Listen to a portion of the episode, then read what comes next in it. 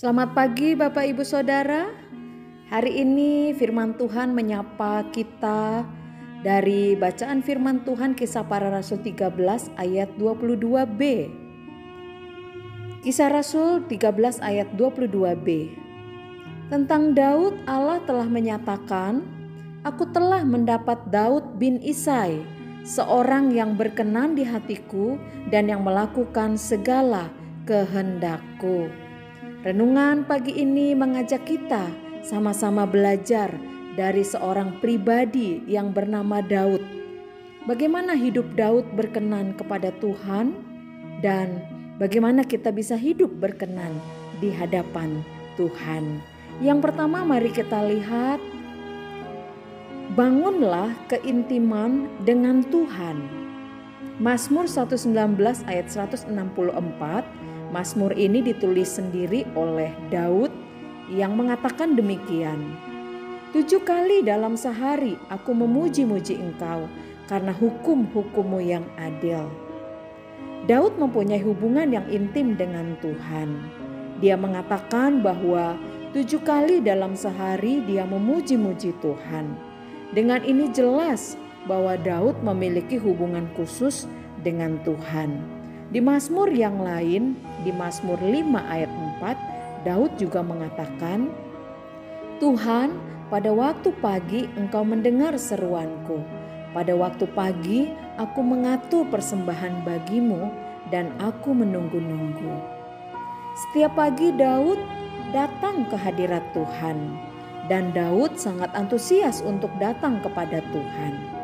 Pergaulan Daud yang karib dengan Tuhan, keintiman Daud dengan Tuhan, membuat Tuhan berkenan kepadanya. Yang kedua, bagaimana hidup berkenan di hadapan Tuhan? Hiduplah percaya, berserah, dan bersandar kepada Tuhan. Setiap orang, siapa pun, dan keadaan apa pun pasti punya masalah. Demikian juga dengan Daud Daud adalah seorang pribadi yang berkenan kepada Tuhan, sekalipun masalah yang dihadapinya besar. Satu hal yang diandalkan oleh Daud adalah Tuhan. Masalah besar sekalipun ketika kita bersama Tuhan, maka akan ada jalan keluar dan kemenangan yang kita raih. Tuhan hanya mau kita sabar dan percaya kepada Tuhan.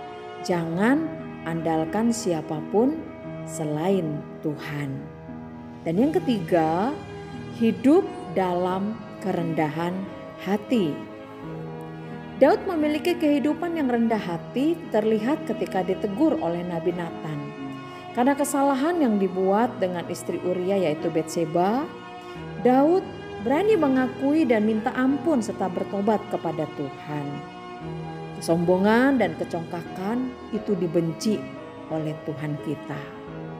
Roma 5 ayat 8 mengatakan, akan tetapi Allah menunjukkan kasihnya kepada kita oleh karena Kristus telah mati untuk kita ketika kita masih berdosa. Kasih Kristus adalah kasih yang sempurna karena Kristus telah mati untuk kita.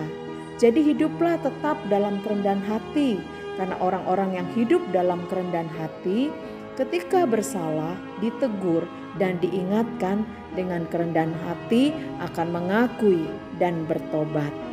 Karena kerendahan hati akan membawa kita kepada perkenanan Tuhan. Sehingga apa yang tidak pernah kita pikirkan timbul dalam hati dan kita lihat akan disediakan Tuhan bagi kita supaya kita mengalami perkenanan kepada Tuhan dan menerima janji-janji Tuhan.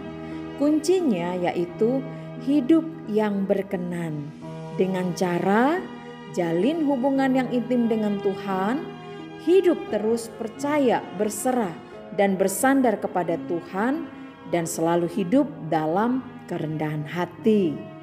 Sebagai orang percaya, kita harus mengalami perkenanan Tuhan dalam hidup kita, karena Tuhan Yesus sungguh sangat mengasihi kita. Selamat menjalani sepanjang hari ini, selamat beraktivitas. Tuhan Yesus memberkati kita semua.